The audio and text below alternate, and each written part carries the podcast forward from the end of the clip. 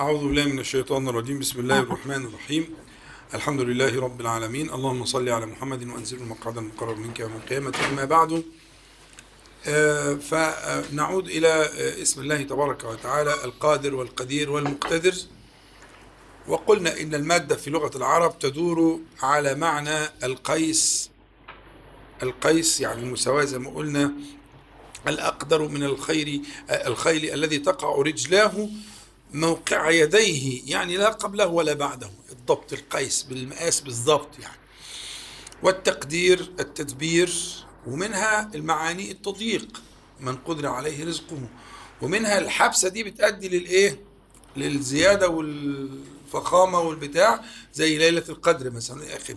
فقلنا المعاني اللي دارت عليها آه، القدرة والتضييق والقيس والتدبير والشرف والع- والعظمة والكثرة زي القدر اللي بيتحط فيه فاكرين بقى الكلام اللي قلناه وإنه دي مش عادتهم ما كانوش يعملوا كده.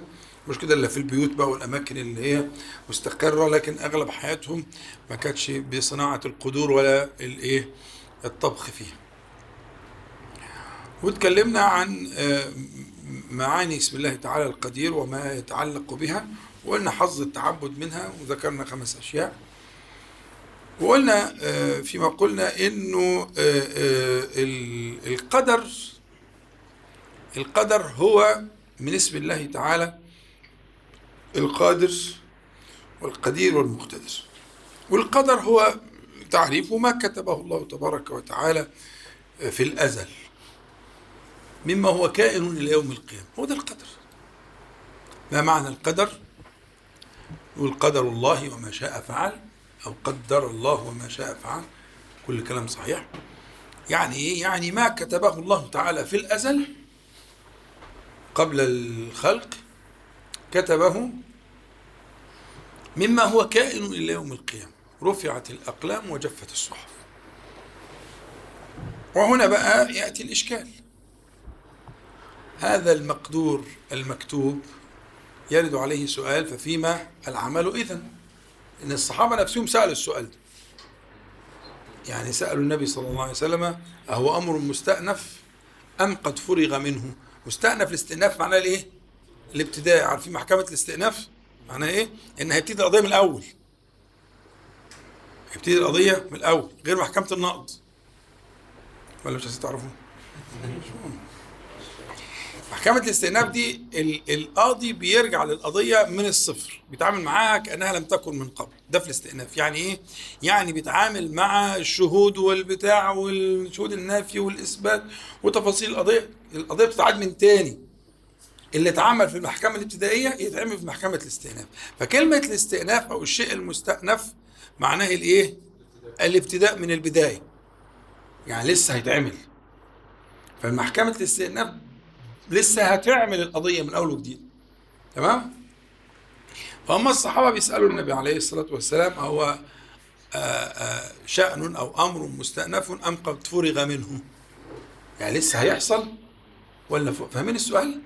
أصل أنا بقول- م- آه، يعني مش خايف لأن ده آه، كلام موجود في الكتب وفي السنة وسأله الصحابة وأنتوا ناس واعيين إن شاء الله. بس اللي هيسقط مني لا يلومن إلا نفسه. الكلام ده عامل زي الإيه؟ زي السلسلة كده الع- العقد الجميل اللي خرزاته ما تنفردش. فاللي هيسقط مني بقى هو حر. لكن إن شاء الله الكلام كلام واضح وقريب و... وإن شاء الله تنتفعوا به بإذن الله. وكلام الصحابة سألوه. وأجابهم النبي لأن كان ممكن النبي صلى الله عليه وسلم ينهاهم عن السؤال. ويتقفل الباب. ولا يسأل بعضهم أحد. لا يسأل بعدهم أحد. لكن سأل وجاوب ومشت المسألة. بس هي عايزة شيء من التركيز يعني. فلما سألوا النبي صلى الله عليه وسلم هو أمر مستأنف أم قد فرغ منه؟ قال إيه؟ بل فرغ منه.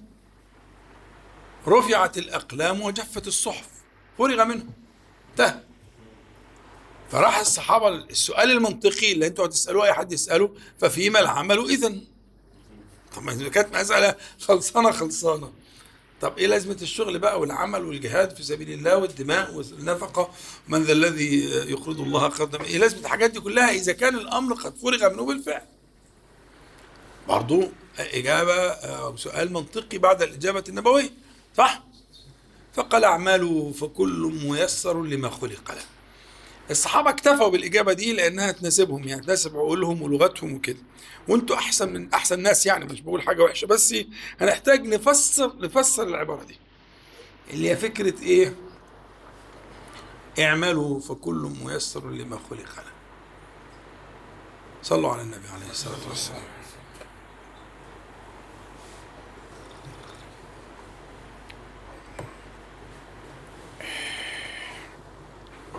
يبقى إن كان الأمر قد فرغ منه وقد كتبه الله عز وجل في الأزل وكتب هو كائن إلى يوم القيامة فالسؤال اللي سأله الصحابة ففيما العمل إذن؟ كان جواب النبي صلى الله عليه وسلم اعملوا فكل ميسر لما خلق له. فبالعمل أو باستمرار الحياة أو بامتدادها هينكشف ما كان مستورا لأن مقدر العمل نفسه قدره الله سبحانه وتعالى بالقدر اللي هو بالإيه؟ بالقيس والتدبير. يعني ربنا سبحانه وتعالى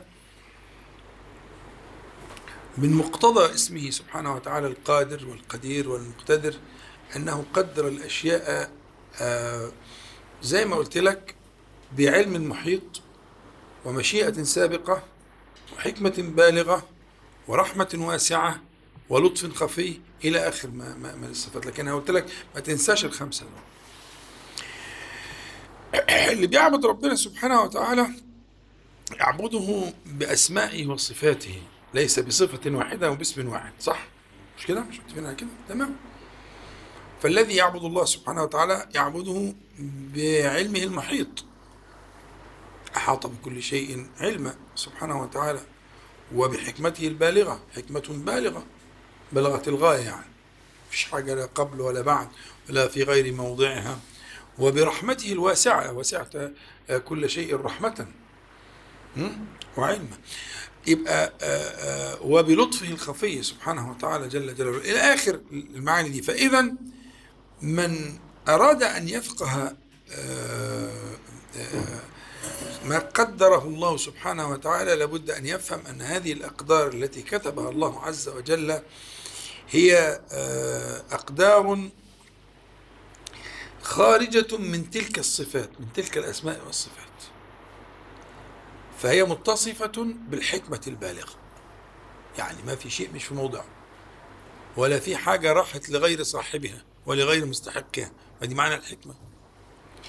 وأنها آه هذه الأقدار متصفة بالحكمة آه آه البالغة ومتصفة بالرحمة الواسعة التي وسعت كل شيء وهو كتب على نفسه سبحانه وتعالى جل جلاله كتب على نفسه الرحمة فجعلها لا تسبق فمن فاتته رحمة الله تعالى فإنما فاتته بعناده وإصراره ليه؟ لأن الرحمة كما وصفها الله عز وجل وسع كل شيء رحمة. فمن لم ينل من رحمة الله قسطا فإن ذلك هو أشقى الخلق. أشقى الخلق. وبالتالي هذا الفهم لل لل لقضية القدر الفهم بما اتصف الله تعالى بالكمال وتنزع عن النقص خلاص مفيش ظلم. إني حرمت الظلم على نفسي وجعلته بينكم محرما فلا تظلم. فالظلم حرام. حرمت الظلم على نفسي ربنا بيقول كده. فإذا أقدار الله تعالى ليس فيها إيه؟ ليس فيها ظلم. يبقى برضو سؤال في حكاية ففيما العمل. لا العمل كاشف. جعله النبي صلى الله عليه وسلم كاشفا فمن حبب إليه الخير يستبشر لكن لا يطمئن لأنه قد يعمل بعمل الخير إيه؟ إلى ما أن يكون بينه وبين الموت كذا وكذا فيعمل بعمل أهل النار فيكون من أهلها والعياذ بالله. والعكس موجود. إذا فيعمل على الوجل والذين يؤتون ما آتوا وقلوبهم وجلة. يعني يأتي من من العمل الصالح ومن البر وهو وجل يعني يخشى يا لعل ربنا آخره. كل ده مبني على أن ذلك محجوب. أن لوح القدر محجوب حتى عن آه، آه، آه، الأنبياء والمرسلين حتى عن جبريل عليه السلام حتى عن أقرب الخلق إليه سبحانه وتعالى. فإذا هي مدار المسألة على العلم. ولذلك لما طرحت القضية كتير جدا في القرآن الكريم دي قضية مطروحة. ربنا تعالى يقول سيقول الذين أشركوا لو شاء الله ما أشركنا ولا آباؤنا ولا حرمنا من شيء. مش هو ده احتجاج بالقدر؟ صح.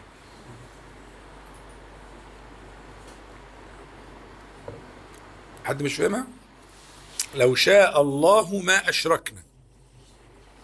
إذا فما هم فيه من الشرك بمشيئة الله تعالى. فلما يكون اللوم؟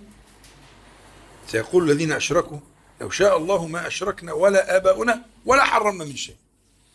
صح؟ يبقى معناها هذه دعوة احتجاج بالقدر صريحة. صريحة. إنه ما نحن فيه بقدر الله وما طلب بقدر الله يبقى هو عايزه يريده. هذا مراد الله تعالى.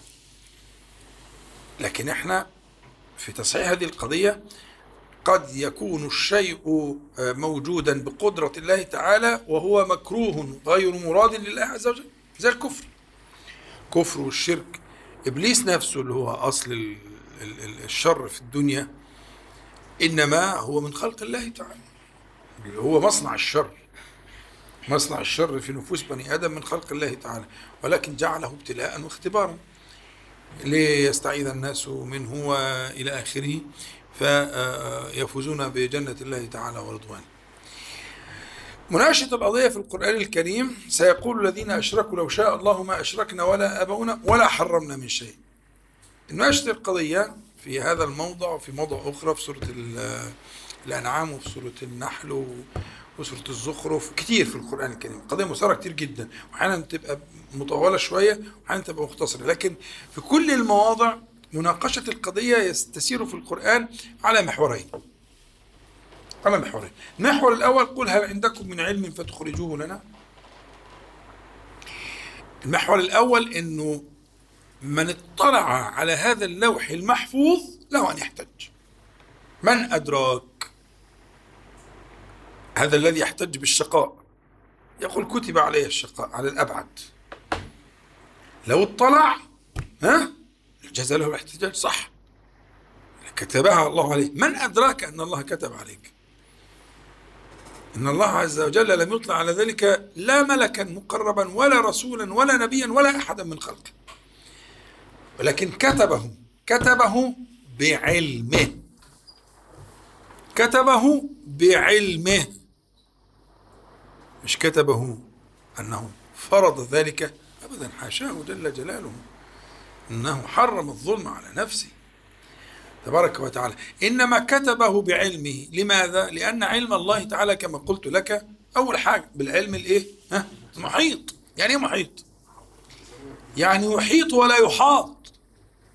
يعني علم الله تعالى لا يحده لا زمان ولا مكان ولا أعيان ولا أي شيء.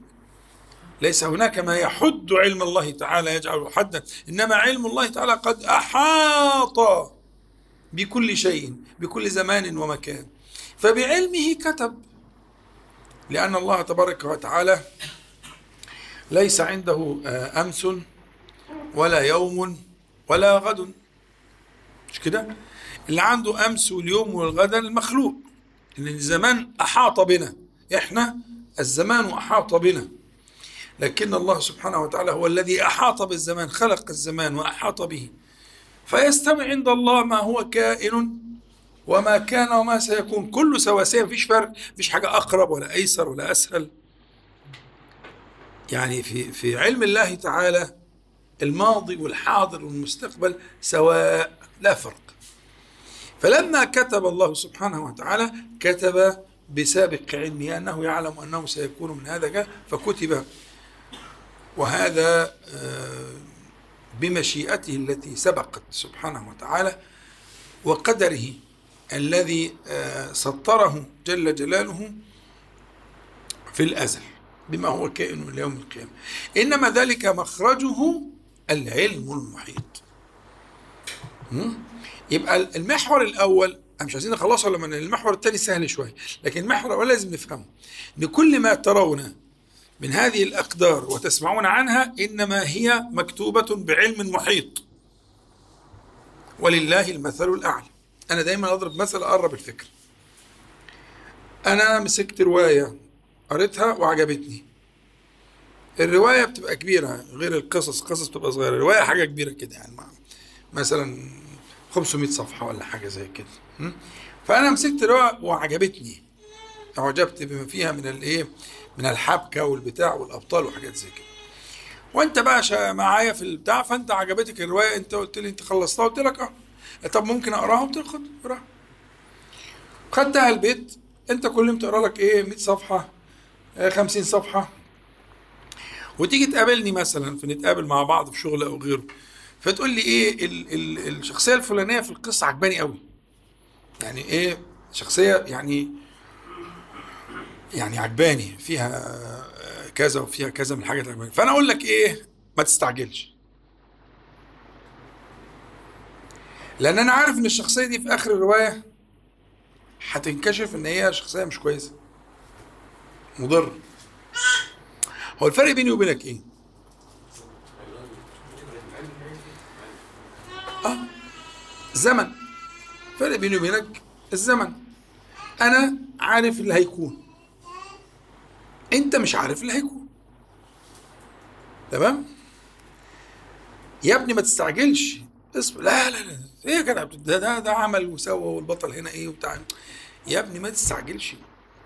هو الفرق بيني وبينك ان أنا قد أحط بهذه الرواية من جهة الزمان. عارف آخرها؟ أنا ما ألفتهاش. أنا طلعت عليها. أنا عرفت قصتها. ولله المثل الأعلى. فالذي أحاط بالزمن اللي سبق في الزمن اللي عارف اللي هيكون حكمه يختلف عن اللي ما يعرفش. يختلف عن اللي ما يعرفش. فلما كتب الله عز وجل ما كتب مش كتابة قهر وجبر إنما هي كتابة علم. حفظت دي؟ أوعى تسقط مني لا يسقط مني وحر. فكان ما كتب من القدر في الأزل كتب كتابة علم وليس كتابة قهر وجبر. تقولي لا مش موافق لأن في حاجات قهر وجبر. أقول لك نعم كل بني آدم كل مكلف في جزء جبر وقهر وفي جزء اختيار. صح؟ حلو قوي كل ما يتعلق بالجبر والقهر لا تسأل عنه ومفيش عليه حساب. محال. إنه يحاسبك على الجبر والقهر. إن أنت ابن فلان مثلا طب وأنت ذنبك إيه؟ إنه كان راجل مش مظبوط يعني. طبعا أباعد يعني. أنت ذنبك إيه؟ لكن أنت اتولدت في المكان الفلاني. إيه يعني أنت من البطنية؟ طب وأنت أنت ذنبك إيه يعني؟ أنت طلعت كده. هو الجو كده الدنيا كده. واخد بالك؟ فكل ما كان من جهة إن لونك كده إن شكلك كده إن قوتك كده إن صحتك كده إن كليتك كده إن كبدك كده إن مخك كده إن درجة إدراكك كده إن ذكائك كده إن فهمك كده. كل ما كان من جهة الجبر والقهر محال أن يحاسبك عليه محال حاشاه جل جلاله. المنطقة كلها اللي بنتكلم فيها هي منطقة الاختيار. والتكليف. ده بقى اللي بنتحاسب عليه. وكل واحد بيتحاسب على ما آتاه الله عز وجل. وما مكنه.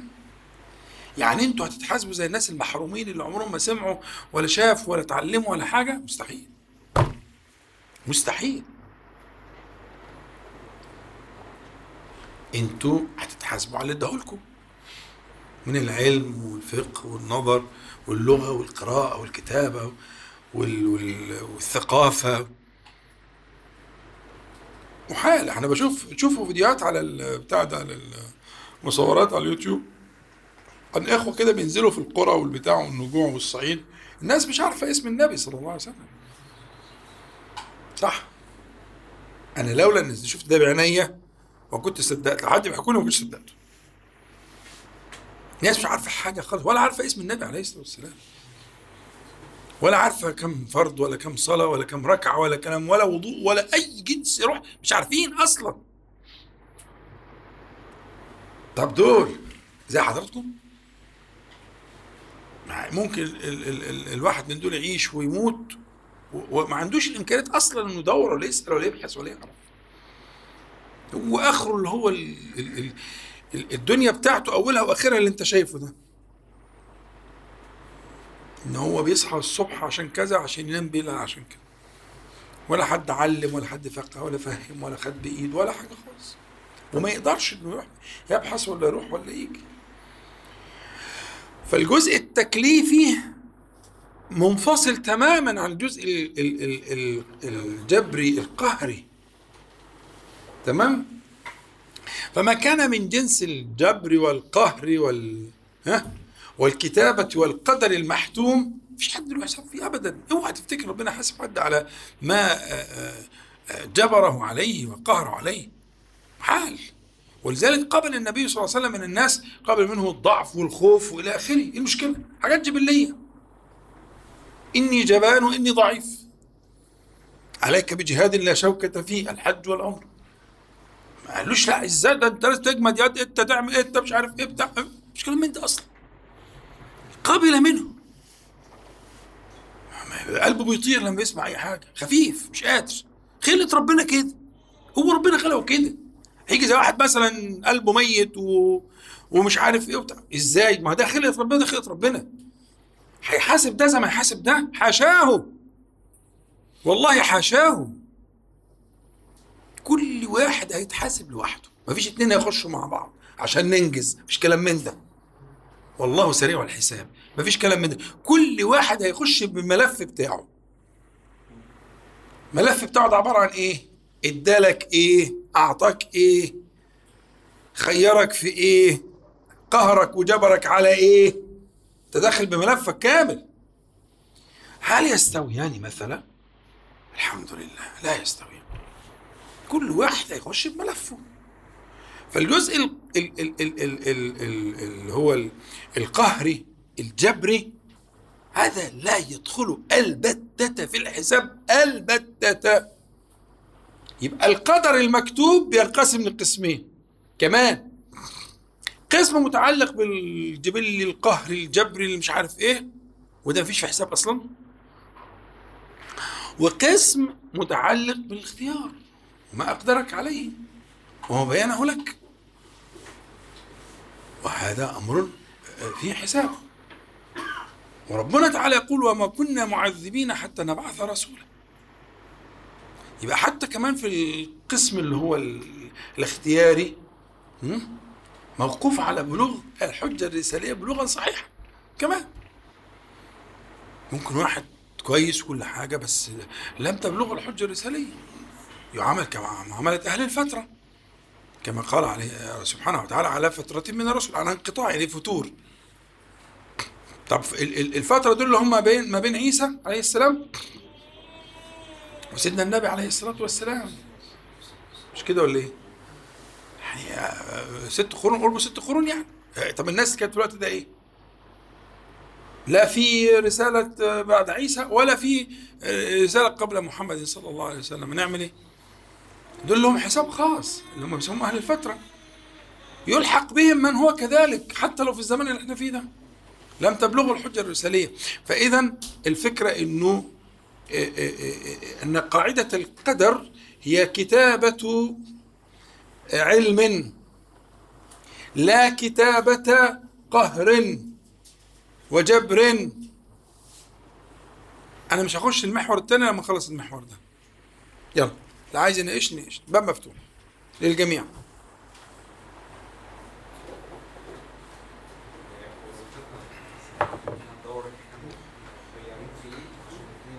آه. وظيفتك كما قال عليه الصلاة والسلام اعملوا فكل ميسر لما خلق له. انت هيبان لك أمارات الأمارات المبشرات بالتيسير.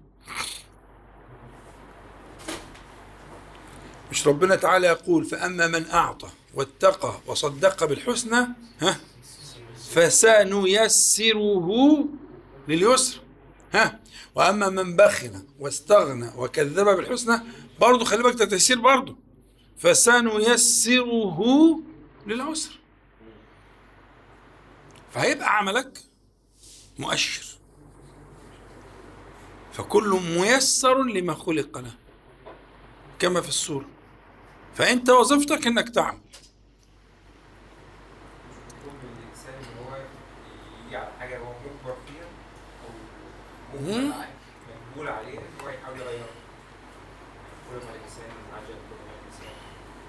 لا أنا بتكلم على الأمور القدرية التي لا دخل الإنسان فيها. أنا ضربت أمثلة. يعني واحد طلع لقوا أهله كده.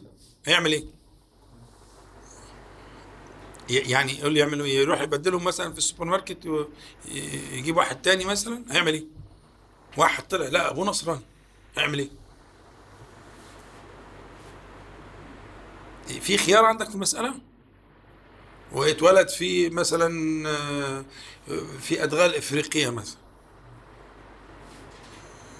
والناس زي ما أنت عارف عايشين هناك إزاي هيعمل إيه قدر هم دول مش خلق الله هم خلق الله تعالى. زينا زيهم بالظبط يعني هو واحد اتولد في في في في الصين مثلا. وتربى بشكل معين والمبادئ والأفكار بشكل معين. هيعمل إيه؟ هيظهر بقى علامات آه في طبعا في ناس ربنا بيهديها وكده بس بيكون في آه، أسباب توصله كده. لكن الجزء القدري الجبلي واحد اتولد جسمه ضعيف. عنده مشكلة في في في اعضائه ابتلي بحاجة في في القلب ولا في ال- الكبد ولا في البتاع يعمل إيه؟ ما دي دي أمور هي دي الأمور القهرية الجبرية اللي الإنسان مش اختيار فيها. مظبوط؟ فهذه الأشياء لا يحاسبك الله تعالى عليه هو يحاسبك فيما مكنك واخترت.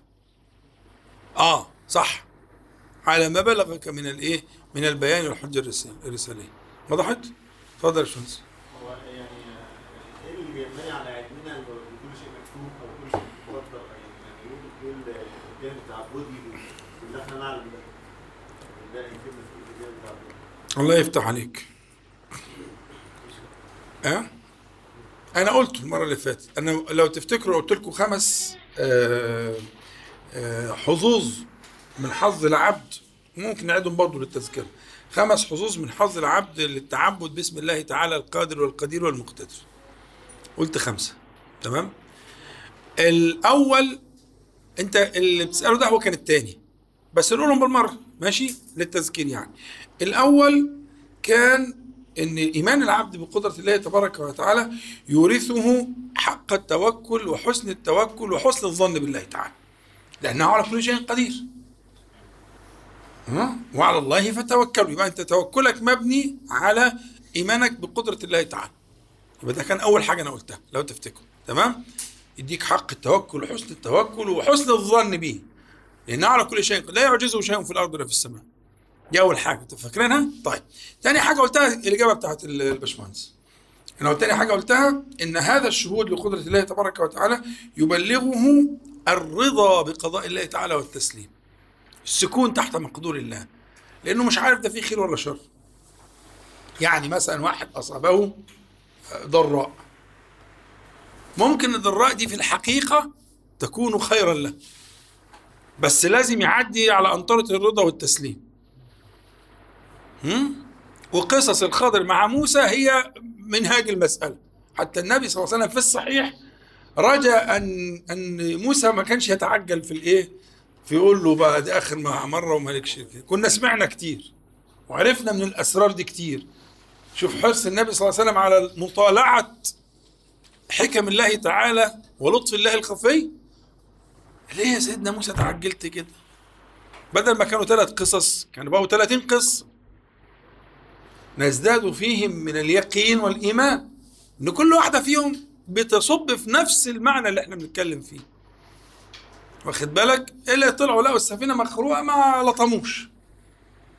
قالوا إن لله وإنا إليه راجعون. خلاص. مش طالعين النهارده وما فيش شغل النهارده. وربنا عوض علينا. ابعت يد هات مش عارف إيه رك إيه, إيه كان المجرم ده عدى وفلتوا من البتاع والتاني يوم اشتغلوا. فكان سكونهم تحت مقدور الله تعالى ورضاهم بقدره عز وجل خير. والغلام طلعوا لقوا عيل صغير مذبوح في الشارع قصاد البيت. الولاية ما لطمتش والراجل ما شقش جلابيته ولا كلام من ده أصلا. استرجعوا بس آه، ربنا يعوضهم خيرا. منه. فإن ده لو كان عاش كان طلع روحهم وروح اللي جابوهم. وكان خرجهم عن كل الحدود. لكن هم لما رضوا أبدلهم الله تبارك وتعالى خيرا منه فهنا القدر المؤلم ده أخرج منهم التسليم والرضا و إلى آخره فكانت العاقبة الخير.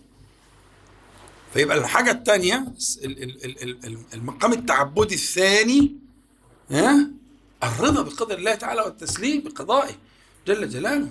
السكون تحت المقدور. يا ابني انت عبد يا ابني. وهو رب رحيم رؤوف لطيف. ما انت عشان جهلك به اللي خلاك تلخبط كده. لكن لو انت فعلا متعرف عليه باسمائه وصفاته ما كنت تعمل كده. كنت تحسن الظن به. فيبقى الحاجة التانية اللي إحنا قلناها اللي هي فيها الجواب على نقول الباقي بقى كرامة ليك عشان نبقى نكمل الايه المقامات التعبد باسم بسم الله تعالى القادر والقدير والمقتدر. قلنا إن ده آه، آه، يلزمه التوسل والدعاء بقدرة الله تعالى. وده وارد طبعا في الكتاب والسنة كتير جدا إن الإنسان آه، آه، آه، يتوسل إلى الله سبحانه وتعالى بقدرته لأنه على كل شيء قدير. فيعني مسألة التوسل يا أيها الذين آمنوا اتقوا الله وابتغوا إليه الوسيلة. إحنا مأمورين بكده. فنتوسل إليه بأسمائه ومن أسمائه العظيمة الجليلة أن نتوسل إليه بقدرته. خير الدعاء دعاء يوم عرفة. وخير ما قلته أنا والنبيون من قبلي لا إله إلا الله وحده لا شريك له له الملك وله الحمد وهو على كل شيء قدير. هي دي سر هنا. فين الدعاء؟ هي في في القدير دي في كلمة وهو على كل شيء قدير. واللي أنت عايزه حاجة اسمها شيء صح؟ شيء شيء شيء شيء وهو على كل شيء. فشيء ده داخل في القدرة. فيكون التوسل بقدرة الله تعالى والمقام الثالث من مقامات التعبد باسم الله تعالى القادر والقدير والمقتدر. الحاجة الرابعة اللي قلناها المرة اللي فاتت أن مطالعة العبد لقدرة الله تبارك وتعالى تحبسه عن ظلم العباد. في ناس عندها الإيه؟ النزعة ال- اللي هو حتى تقسيم النفوس وابن القيم وغيره والناس اللي بتدرس علم نفس في شخصية اللي هي السبعية اللي هي عندها ال- الرغبة دايما في في الهجوم والعدوان وال- والهبش والحاجات اللي زي كده. فمطالعة قدرة الله تبارك وتعالى تحبسه عن ظلم العباد و آه، آه، آه، تمنعه وتحجزه عن أكبر شر يصيب النفس البشرية. اللي هو الكبر. أشر ما يصيب النفس البشرية الكبر. ليه؟ لأن الأشياء التانية يعني على باب؟ باب العفو. قريب. وربما يرد الله تعالى العباد وإلى آخره. لكن لا يدخل الجنة من في قلبه مثقال ذرة من كبر. دي شكلها إيه ذرة الكبر دي؟ إيه حجمها؟ ماذا تصنع في القلب؟ ذرة؟ مثقال الذرة من الكبر؟ يعني إيه مثقال؟ بتعمل في البني آدم إيه؟ يعني يعني شكلها إيه؟ تأثيرها إيه على ظاهر الإنسان وتصرفات الإنسان؟ حاجة مرعبة مش كده؟ شيء مرعب الحقيقة. يعني يحبسون يحجزون. فمطالعة قدرة الله تبارك وتعالى الدائمة والتفكر في قدرة الله تبارك وتعالى كما حبسته عن ظلم العباد تنقي باطنه عن الكبر. هم؟ يعني انت بتطالع القدرة على الحقيقة. فانت ولا حاجة. يعني انت هتقعد لنفسك تقول لنفسك كده إيه؟ ها؟ تقف قصاد مراية كده تقول أنا ولا حاجة. حقيقة. وتبقى صادق. ليه؟ لأنك تطالع قدرة الله تعالى. فتصغر تصغر تصغر تصغر لغاية ما تصل للحجم الحقيقي ليك. فده من أجل منازل التعبد باسم الله تعالى القدير. واخدين بالكم؟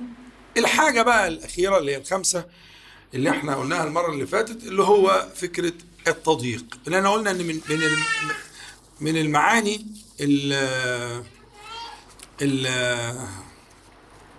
اللغوية للمادة اللي هو الضيق تضييق. ومن قدر عليه رزقه يعني ضيق. فظن أن لن نقدر عليه يعني أن لن نضيق عليه. فقلنا إن معنى التضييق اللي هو الموجود في في أصلا م- م- من لوازم إحكام الشيء وضبطه يعني و- والضبط وال- والتضييق واخد بالك؟ فيكون فيها مطالعة لأسماء الله تعالى اللي فيها معنى القابض الباسط. وما في معنى. فترى ذلك كله من مقتضيات أسماء الله تعالى. فالضيق ده من من مقتضى اسم الله تعالى. ما تستوحش أنت مسكين. لازم يضيق. ولازم يوسع. وأوقات يضيق وأوقات يوسع. وناس يوسع وناس يضيق. وكل ذلك مقتضى اسم الله تعالى. زي ما قلت لك بالخمسة اللي ما تنساهمش. بالعلم ها؟ والحكمة ها؟ واللطف والرحمة هو ده. فترد نفسك ردا جميلا عند القبض والبسط. وقلت لك إن في مجموعة أسماء لا لا لا تذكر إلا مقترنة. وده كان موضوع الدرس الليلة دي. بس راح. خلينا الحصه الجايه إن شاء الله. إن إحنا أنا جمعت لكم هذه الأسماء. وكنا عايزين نتفكر كيف نعبد الله تعالى بهذه المجموعة من أسماء الله تعالى اللي هي لا تذكر وحدها ينفعش لازم تذكر مع بعضها المعز المذل المقدم المؤخر. أيوه إلى آخره. فعايزين ندرسهم مع بعض ونشوف إيه. لكن هذا المقام الخامس من مقام التعبد باسم الله القادر والقدير والمقتدر أن آه، آه، هذا القبض وهذا البسط مقتضى اسم الله وهو بالحكمة البالغة وبالرحمة آه، الواسعة وباللطف الخفي. هي كده. فتعبده في قبضه وبسطه. ومن الناس من يعبد الله ها يعني إيه؟ على حرف. هي دي على حال واحد. يعبده في الرخاء بس في الساعة بس. لكن وإذا مس الإنسان ضر يبقى إيه يسيء الظن بالله تبارك وتعالى. لكن ومن الناس من يعبد الله على حرف هو ده الذي يعبد الله تعالى على حال واحد. لما يجي يقلبه على الناحية التانية يجيب بقى الوش القبيح بتاعه. ده هناك كان حلو قوي وكان عامل لي فيها شيخ وعامل لي فيها بتاع ومش عارف إيه وإيه وإيه وإيه. طيب خلي بالك إن الباسط هو القابض وما بيتقالش لوحده ولا يعبد بواحد منهما إنما يعبد باسمه الباسط القابض القابض الباسط. ها؟ إن شئتها أهلا وسهلا. ماشي يبقى أنت كده مظبوط. يبقى دي كانت بس إحنا طبعا اللي جرنا للكلام ده يا باشمهندس في إن إحنا قلنا بقية لكن هو كان الجزء اللي يخصه اللي هو معنى الرضا بقضاء الله تبارك وتعالى والتسليم لقدره جل جلاله. اذا آه، آه، آه، الكتابة كتابة علم لا كتابة قهر وجبر. خلاص؟ مش معنى كده إن إحنا ما فيناش قهر وجبر؟ فينا. بس ما تحسبش عليه. كل ما هو جبلي خلقي أنت مجبول عليه ما فيش حساب عليه. خالص محال. أنت مش هتتحاسب غير على ما مكنك منه وخيرك فيه. فقط لا غير. اتفقنا؟ يبقى قل هل عندكم من علم فتخرجون اتفضل. أو ردود أفعال الحاجات الجبليه دي؟ نعم. ردود أفعال الحاجات الجبليه دي. يعني إيه؟ افعالي أنا اللي أنا مجبور عليه. ولا اللي إديني مثال عشان أفهم مش فاهم. أنا والدي مثلا أنا قلت في الله ان يكون مثلا آه، نصراني. رد فعلي معايا. ان أنا هتحاسب على القدر. اي طبعا. أنا طيب مش هتحاسب على لا لا أنت ما تتحسبش إنك أنت نشأت في البيئة دي وفي الجو ده هتحاسب على رد فعلي. تحاسب على ما مكنك الله تعالى وعلمك وفقهك وبين لك. ممكن واحد عاش ومات ما عرفش. وبذل ما يستطيع ولم يصل إلى شيء ولا يعلم شيء. مش لازم يكون يعني ممكن يكون بعيد خالص خالص يعني. هيعرف منين؟ بل بالعكس لو سمع عن التوحيد والإيمان سمع عنه أسوأ كلام. وأبعد ما يكون عن الحقيقة. وعاش ومات على كده. هنقول له إيه؟ أقول له تعالى أقول لك دلائل الإعجاز في القرآن الكريم. إيه باصص لك أنت مجنون. مخلف عقل.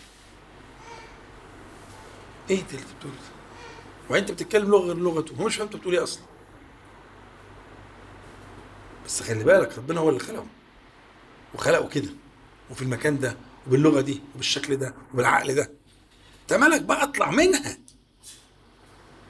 خلي بينه وبين ربه سبحانه وتعالى. ولا يقدر على ذلك إلا الله ولا يقدر على هذا الحساب إلا الله. ده ده من من دلائل الإعجاز في قدرة الله عز وجل إنه يستطيع أن يفعل ذلك. ويحاسب كل واحد لوحده. تريليونات مليارات. كل واحد لوحده. بما رزقه وآتاه وهيجي كده ويجعله في كنفه سبحانه وتعالى ويحاسبه وتنصب له الموازين وتوضع في كفة كذا. إيه يا عم ده؟ طب ما تفكر في الحكاية دي. هذا أمر يعجز العقل عن تصوره. مجرد التصور يعني. أنت مش قادر تتصوره. لكن ربنا سبحانه وتعالى يعني وعد بذلك. لا بد من أنه سيكون. إيه بقى اللي هيتحط في كفتين الميزان الله أعلم. ده لا تدري. مين أدراك؟ واحد ما بلغوش أي حاجة خالص. خلاص منه الرب يا أخي. يعاملوا كأهل الفترة ي- بيختبروا في العرصات يتجاوز عنهم. الله أعلم. لا ندري. لكن أهم حاجة خرج أنت نفسك من المعادلة دي عشان أنت بتظلم نفسك لما بتخش في المعادلة دي. أنت اللي يكفيك فيها الانبهار بأسماء الله تعالى وصفاته والعجب من تلك القدرة التي لا يعجزها شيء. تمام؟ والخضوع تحت أسمائه وصفاته. هو ده بقى الإيمان. هو اللي خلقهم هو اللي هيحاسبهم. ولا إيه؟ تمام زي الفل. باب مفتوح اتفضل. هو من الأحياء يعني؟ آه طبعا عملنا ومن الناس. لا يعني من مات على الكفر خلاص هو الكافر بقى منه من ربنا الله أعلم. لكن مش هنختلف مثلا انه أبي بن خلف نقول والله جايز يطلع مش عارف إيه ولا لا. يعني ده مات كافر وحارب الإسلام والمسلمين وفكر وقدر فقتل كيف قدر. ها؟ نعم. لا إحنا نحكم بالحكم ال- العام. إن أهل الإيمان وأهل الكذا في رحمة الله تعالى وعفوه وأهل العصيان وأهل الكفران في جحيم وفي عذاب كما جاء في القرآن الكريم؟ لكن واحدة مثلا رقاصه ماتت. تبص تلاقي الفيس مهري كلام عليها وعلى آخرتها. طب أنت مالك؟ أتكلم عن الراس آه براحتك.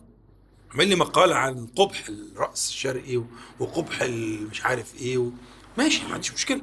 لكن بني آدم انت مالك ومالها يا أخي افضت إلى ما قدمت انت مالك ومالها وبعدين هي ما ممكن تكون ارتكبت آه، معاصي. و- و- ودخلت كالمرأة البغي التي سقط قلبا كلبا في موقها فغفر الله لها فأدخلها الجنة.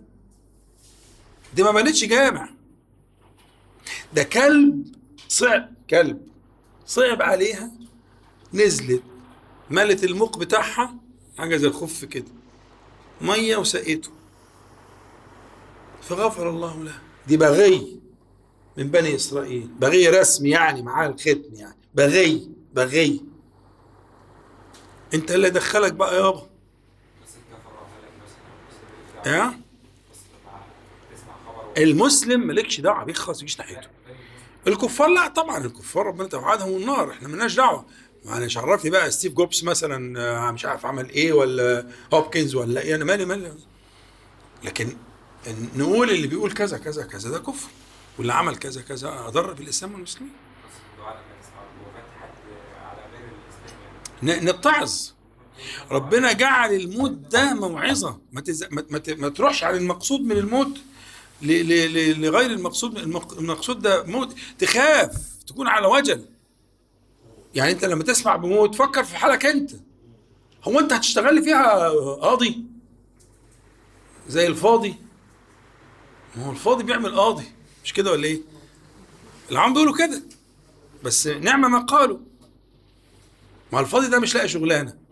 يبقى يعمل قضية وينصب نفسه قاضيا عليها عشان يقعد يقضي ما أصله فاضي. اوعى تكون أنت الفاضي. لما تشوف واحد مات بص لروحك. احمد ربنا على نعمة التوحيد والإسلام. وانشغل وشوف آه، يعني توفاني مسلما والحقني امسك السبحة بقى. توفاني مسلما والحقني بالصالحين. توفاني مسلما. 100 مرة كده عشان تفوق لروحك. واحد عليه زي بتاع ستيف جوبز ده ولا التاني اللي هو الهوبكنز ده؟ هوبكنز ده كان ده ده ده, ده كان ده كان أسطورة يخرب بيته. ده في الآخر كان بيحل المسائل بحركات الحدقة بتاعت عينه ما بيتكلمش طقش. ربنا بيبتليه بكل البلاءات اللي في الدنيا.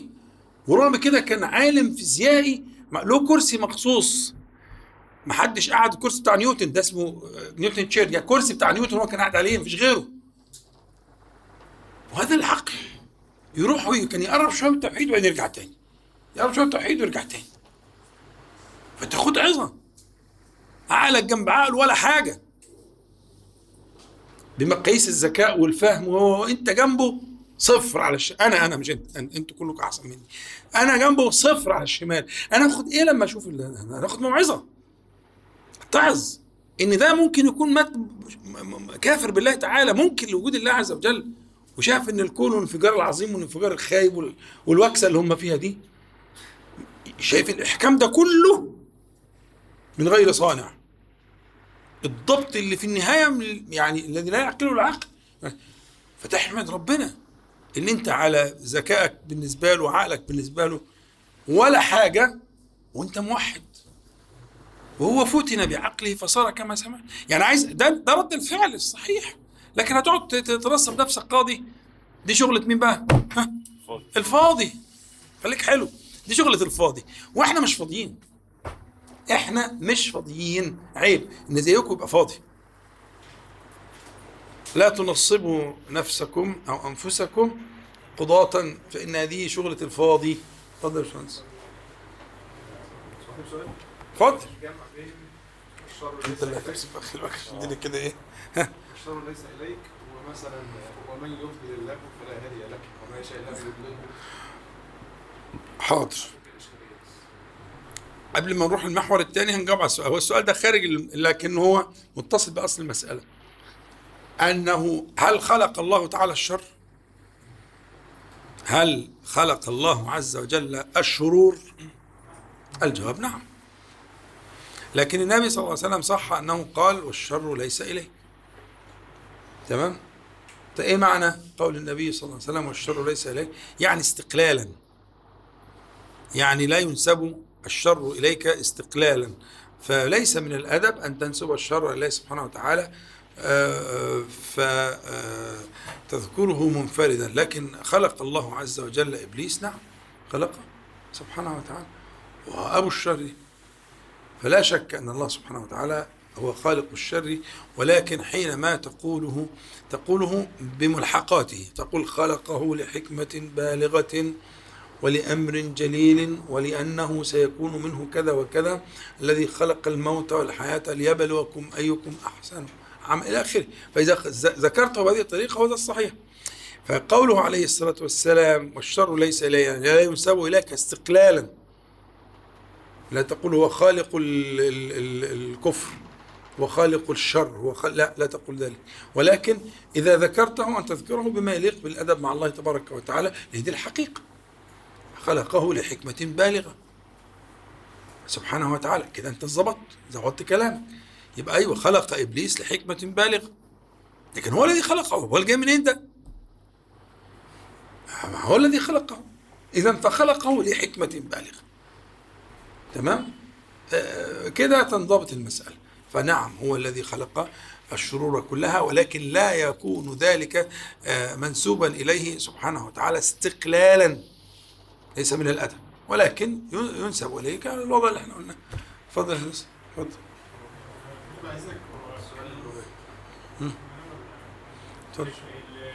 النقطة هيكون في حاجات أمور إحنا مجبورين عليها زي لوننا زي شكلنا زي ما هو إحنا النفس بتاعتنا وعقلنا برضه دي من حاجات كده فلو أنا آه، عملت يمين أو عملت شمال هو ده بناء أنت دخلت للجزء اللي أنت مخير فيه. في جزء أنت جبل فيه مش هتت... ما بتتحسبش عليه. لكن في جزء أنت مخير فيه. عارف لو أنت سقط الخيار تماما لو أنت أيوه أنا فاهم. لو العقل والنفس ده سقط فيه الخيار تماما يبقى أنت من بره الحساب. زي أصحاب الاحتياجات الخاصة وغير ده ما هو لهمش تكليف أصلا. لا يكلفون. لا يكلف لا بإيمان ولا بصلاة ولا بشيء ابدا. ده سقط عنهم ليه؟ لأن أدوات التكليف مش موجودة وكل واحد تكليفه بيبقى على قد ما اداله ربنا سبحانه وتعالى أعطاه من هذه الأدوات بس موضوع بسيط لو وصلنا للحد اللي هو اللي أنت بتقول إنه لا يستطيع التمييز أمال إيه؟ أنا دلوقتي في مثلا خير في وفي شر تمام كويس ده أنا إيه وجدت عليه أو يعني قدرت عليه إن أنا؟ لا لا مش انت بس. أيوه مفيش حد كل واحد. ما فيش حد آه، غير النبي عليه الصلاة والسلام إلا أن الله تعالى أعانني عليه فأسلم. لكن كل واحد فينا له شيطانه اللي بيجري من الدم من مجرى الدم منه ويأمره بالشر ويزين له إلى آخره كلنا مش أنت بس. ها اتفضل. كل واحد ليه نصيب في دوت زي اخوه التاني ولا كل واحد ممكن يبقى ده عنده جزء أكتر وده جزء آه أكتر؟ طبعا الناس صح؟ متفاوتة. صح. فبالتالي أنا لو تابع مثلا ده 50% وده 50% ماشي يعني. فأنا مخير ما بين الاثنين لكن لو ده مثلا 40 ده 60 وأنت فاكر إن حساب أبو 40 60 و30 70 و20 80 و10 90 و5 95 هيتحاسب زي بتاع 50 50 ما دي الغلطة اللي أنت وقعت فيها. مستحيل. أبو بتاع 5 95 ده هيتحاسب. هي كفة الميزان بتتغير مع كل واحد يا جدعان مش كله داخل على نفس الكفة. ونضع الموازين القسط ليوم القيامة فلا تظلم نفس شيئا. وإن كان مثقال حبة من خردل من ده أو ده من خير أو شر أتينا به وكفى بنا حاسبين. فأنت. أنت بتصور لي إن هو كفة الميزان ثابتة والكل بيخش عليها؟ لا لا لا الموازين كلها هتتغير تماما. كل واحد هيخش بإيه؟ بالعطايا والمنح والإنعام والإفضال و إلى آخره والحساب العمل. ممكن تلاقي واحد عطايا خمسة من مية أربعة واحد نص. وفي واحد عطايا خمسين ستين سبعين تمانين تسعين زيكم كده. ربنا موسع عليه في الفهم والفقه والاطلاع وآيات القرآن الكريم والتدبر والشهود وأسماء الله تعالى والصفات. فأنتوا زي اللي مش عارف واللي ما يقدرش يعرف. لا هو عارف ولا يقدر يعرف. يا إخوانا المسألة أبسط بكتير مما تتصورون.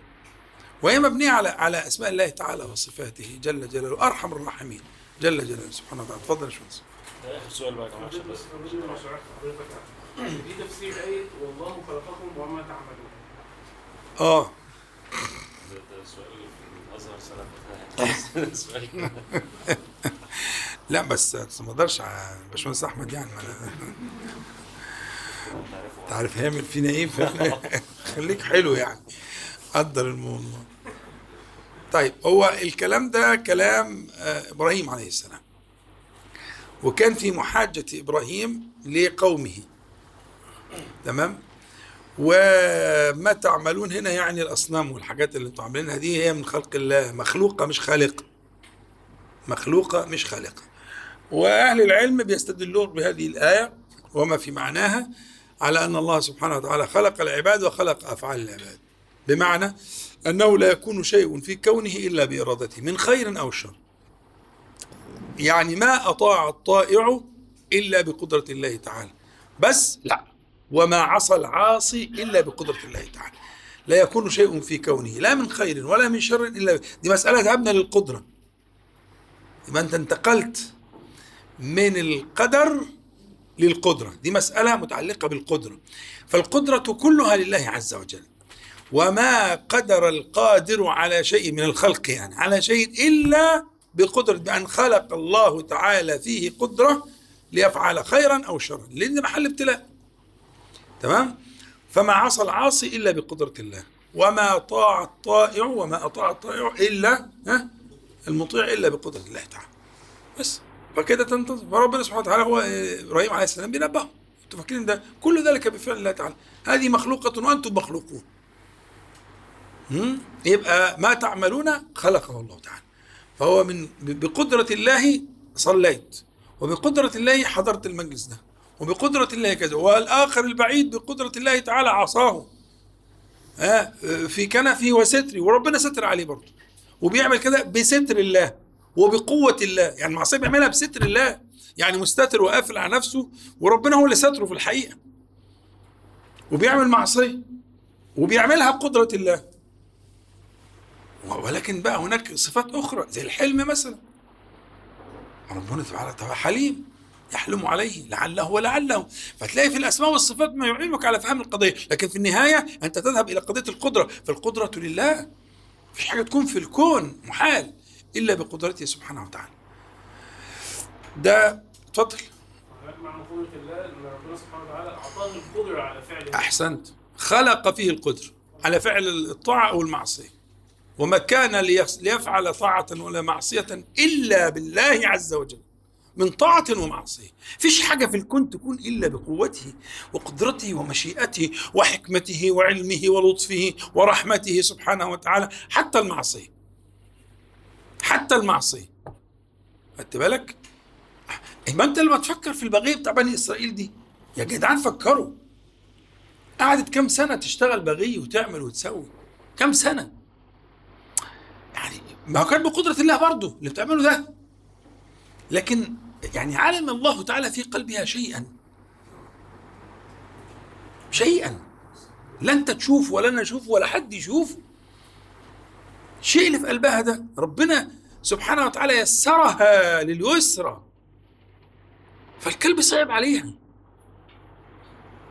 فملت المخ وسقت الكلب ومشيت. فغفر الله له.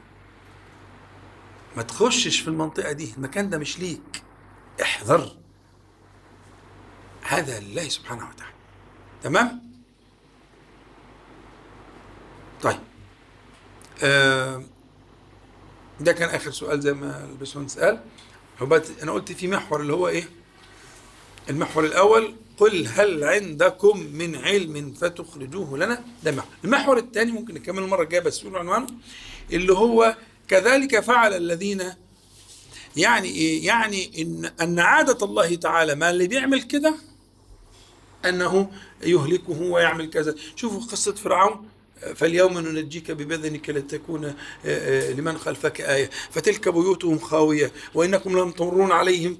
يبقى إذا الأشياء اللي حفظها ربنا سبحانه وتعالى يقول لك اللي بيطيع بيحصل له كذا واللي بيعصي أنا حفظت لك آثاره لتكون دليلا قاطعا على إن اللي بيشرك أنا بعمل معاه كده يبقى أنا حفظته حفظته. الله تعالى حفظ. الله تعالى الذي حفظه. حفظت لك آثار المجرمين والمشركين لتكون لك آية. ها؟ فهتشوفها بعينك فتقول آه يبقى اللي بيشرك واللي بيعمل يرجعش يقول إيه؟ لو شاء الله ما أشركنا ولا ولا ما تقولش كده. لأن اللي أشرك شوف أهو. سايب لك أنا حاجات من العجائب الذين جابوا الصخرة بالواد وخارقين الجبال وعاملين ومسويين والى آخره. أهو دول بقى يا عمي ها؟ كانوا المشركين. شفت بقى المشركين بيحصل معاهم إيه؟ دي طريقة يعني أقرب للعقل البشري. يبقى الجواب الأول كان متعلق بقضية الإيه؟ قل هل عندكم من علم فتخرجوه لنا؟ والمسألة الثانية متعلقة بما حفظه الله تعالى من آثار المشركين وما فعل به. وهيظل ذلك إلى يوم القيامة. عشان ده جاي في القرآن. الهشامه كسروا تمثال بوزة ولا كسروا؟ كل ده كلام فاضي يقول لك عايزين آه، آه، يطيروا راس أبو الهول كل ده هبل عبط عبط عبط. ده ربنا سبحانه وتعالى الذي حفظ ذلك. عشان تشوفوا العالم دي وصلت لإيه؟ ورغم كده ها آه، أهلكهم الله سبحانه وتعالى. التقدم العلمي اللي وصل له الفراعنة يقال إنه لم يصل إليه العقل البشري الآن في القرن اللي أنتم عايشين فيه ال 21 مقال مهم جدا وفي ناس كاتبة في الكلام ده كلام مذهل بأدلة قطعية. إنهم وصلوا إلى ما لم يصل إليه الآن الناس الآن. خدت بالك؟ وأنا قلت لكم الكلام ده قبل كده. إيه ده معناه إيه؟ ليه ربنا حافظه؟ ها؟ عشان ده جزاء الشرك. جزاء الشرك. ده طبعا الفراعنة عدوا الشرك. الشرك ده في الألوهية. الفراعنة بقى إيه؟ عدوا الشرك. إحنا دايما كده إيه؟ متميزين يعني. يعني العالم كله حاجة؟ تتكلم في الشرك والبتاع حاجة زي كده. تيجي هنا بقى تتكلم في الربوبيه ربوبية. حاجة غريبة جدا بصراحة يعني. المهم يعني فحافظ الله تعالى هذه الآثار العجيبة والألوان وال- والهندسة حافظ كله عشان يقول لك إيه؟ كذلك فعل هو دي بقى دي عاقبة من كان مشركا ومن كان كذا وكذا. وده المحور الثاني أقول قولي هذا وأستغفر الله العظيم لي ولكم. اللهم صل على محمد وانزلوا المقعد المقرب منك يوم القيامة. الحمد لله رب العالمين. الحمد لله رب العالمين. نقول جميعا سبحانك اللهم ربنا بحمدك. أشهد أن لا إله إلا أنت. أستغفرك وأتوب إليك. جزاكم الله خيرا.